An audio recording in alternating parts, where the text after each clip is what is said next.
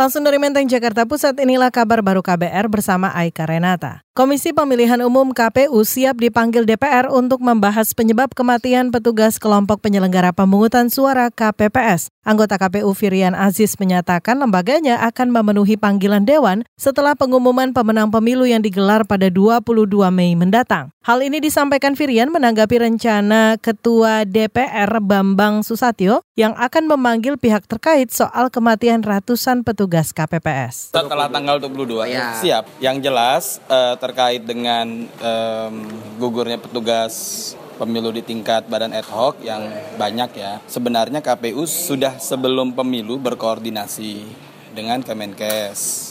Anggota KPU Firian Aziz membela Kementerian Kesehatan yang dituding lamban dalam mengantisipasi kematian petugas pemilu saat bertugas. Kata dia Kemenkes merespon cepat laporan KPU sejak 22 April 2019 dengan membuka layanan kesehatan di kecamatan.